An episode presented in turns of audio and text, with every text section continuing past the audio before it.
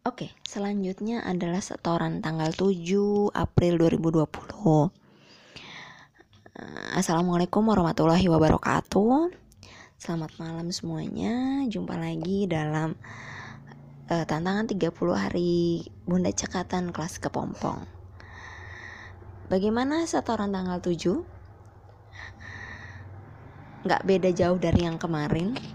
Skornya masih dua karena tanggal 7 itu kan hari Selasa. Uh, kita banyak setoran eh kita banyak pengiriman. Jadinya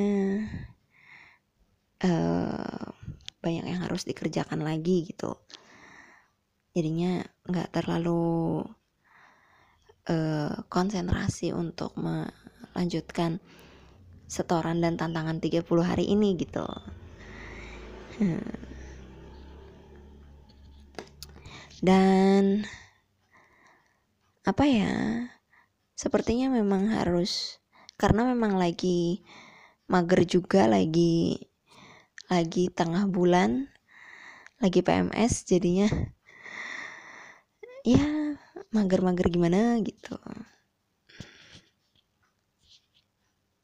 Itu aja terima kasih. Assalamualaikum warahmatullahi wabarakatuh